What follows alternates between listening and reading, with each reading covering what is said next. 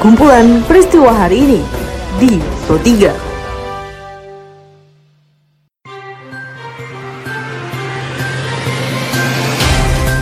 Halo pendengar, selamat berjumpa kembali di podcast Pro 3 RRI dengan kumpulan peristiwa yang terjadi pada hari ini. Seperti biasa, pada podcast ini saya akan mengulas isu-isu aktual yang masih hangat juga ramai diperbincangkan di sekitar kita. Tentu saja pendengar nanti akan saya hadirkan cuplikan informasi dari reporter kami. Saya Tika Nantia, inilah kumpulan peristiwa Pro 3 di ruang dengar Anda. Sebelum saya awali dengan informasi pertama, pendengar saya seperti biasa ingin mengingatkan Anda terlebih dahulu untuk mampir ke laman berita kami di rri.co.id. Anda juga bisa follow dan berkomentar langsung di sosial media kami di Instagram, Twitter, juga Facebook dengan mengetik at RRI Programa 3 di kolom pencarian Anda.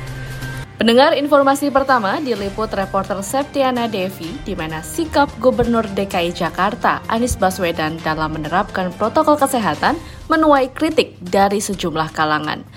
Berikut salah satunya dari politisi Ferdinand Huta Hayat. Pertama saya akan melihat apa yang dilakukan Anies ini sebetulnya sudah memenuhi syarat pemberhentian ya penonaktifan Anies Baswedan sebagai kepala daerah sebagai gubernur kalau mengacu Undang-Undang Pemerintahan Daerah nomor 23 tahun Undang-Undang 9 tahun 2015 revisi dari Undang-Undang 23 2014. Di sana kan jelas disebutkan bahwa seorang kepala daerah itu bisa diberhentikan apabila melanggar sumpah jabatan? Ya, uh, pertama ya kita harus melihat masalah ini ya secara objektif ya. Berhenti atau diberhentikan karena pertama meninggal dunia, ya. kedua permintaan sendiri, dan ketiga diberhentikan.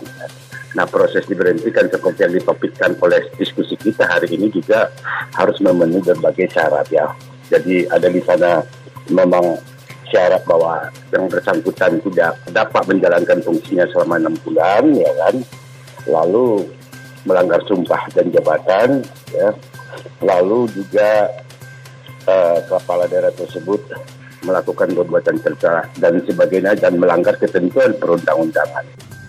Bantuan subsidi upah bagi pendidik dan tenaga kependidikan non-pegawai negeri sipil diberikan pemerintah dalam upaya meningkatkan kemampuan ekonomi para ujung tombak pendidikan, khususnya bagi mereka yang telah berjasa membantu pendidikan anak-anak di masa pandemi COVID-19. Berikut pernyataan dari Menteri Pendidikan dan Kebudayaan Nadiem Makarim diliput reporter Rini Hairani. Jadi ini sangat kabar yang gembira bahwa kita berencana untuk memberikan bantuan subsidi upah ini bagi sekitar 2 juta orang dalam jumlah sebesar 1,8 juta yang diberikan sekaligus satu kali pada masing-masing penerima itu. Siapa saja yang akan kita berikan adalah kepada dosen, guru, non-PNS, guru yang diberi tugas sebagai kepala sekolah, pendidik PAUD di kesetaraan, dan juga tenaga perpustakaan, tenaga laboratorium, dan tenaga administrasi. Non-PNS pada satuan pendidikan negeri dan juga swasta. Pendengar saat rapat kerja dengan Komisi 8 hari ini, Menteri Agama Fakhrul Razi memastikan protokol kesehatan ketat dan edukasi kepada jemaah ibadah umroh Indonesia berlangsung hingga umroh gelombang keempat. Diliput reporter Rizky Supermana, berikut pernyataan dari Fakhrul Razi. Masalah pembenahan masalah apa umroh kami setuju sekali. Saya bisa katakan kalau yang pertama dan kedua itu relatif kita kecolongan, tapi yang ketiga sudah mulai lebih baik ya. Selanjutnya mudah-mudahan tidak akan terjadi lagi kecolongan. Kalau kecolongan terus ya kebangetan gitu. Tapi yang jelas pertama yang kedua memang kita harus akui kita kecolongan. Informasi lainnya pendengar dilaporkan reporter kami Alfred Tuter, kalangan pengusaha di Jakarta meminta kepada semua pihak untuk mematuhi protokol kesehatan di tengah pandemi COVID-19 agar sektor ekonomi dapat terus berjalan.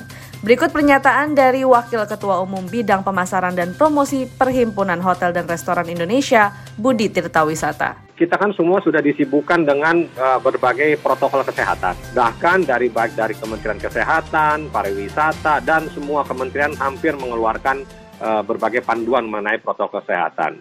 Dan khususnya di industri kami dari Kementerian Pariwisata juga sejak beberapa bulan terakhir sudah uh, mengeluarkan protokol kesehatan yang dilanjutkan dengan adanya sertifikasi CHSE. CHSE adalah Clean, uh, Health, uh, Safety dan Environment, ya kan?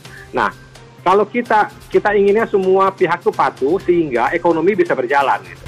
Informasi tadi sekaligus mengakhiri perjumpaan kita pendengar pada podcast edisi hari ini. Dengarkan terus podcast edisi hari ini juga hari lainnya di Spotify dengan hanya mengetik Pro 3 RRI di kolom pencarian Anda. Pendengar tetaplah menjaga jarak, ikuti protokol kesehatan dengan baik dan teruslah mengikuti berita terupdate di Pro 3 RRI. Saya Tika nanti ya, beserta dengan tim editor podcast kami Karisma Rizky undur diri. Sampai jumpa. Sejalanan ibu kota DKI Jakarta masih Kumpulan peristiwa hari ini di Pro 3.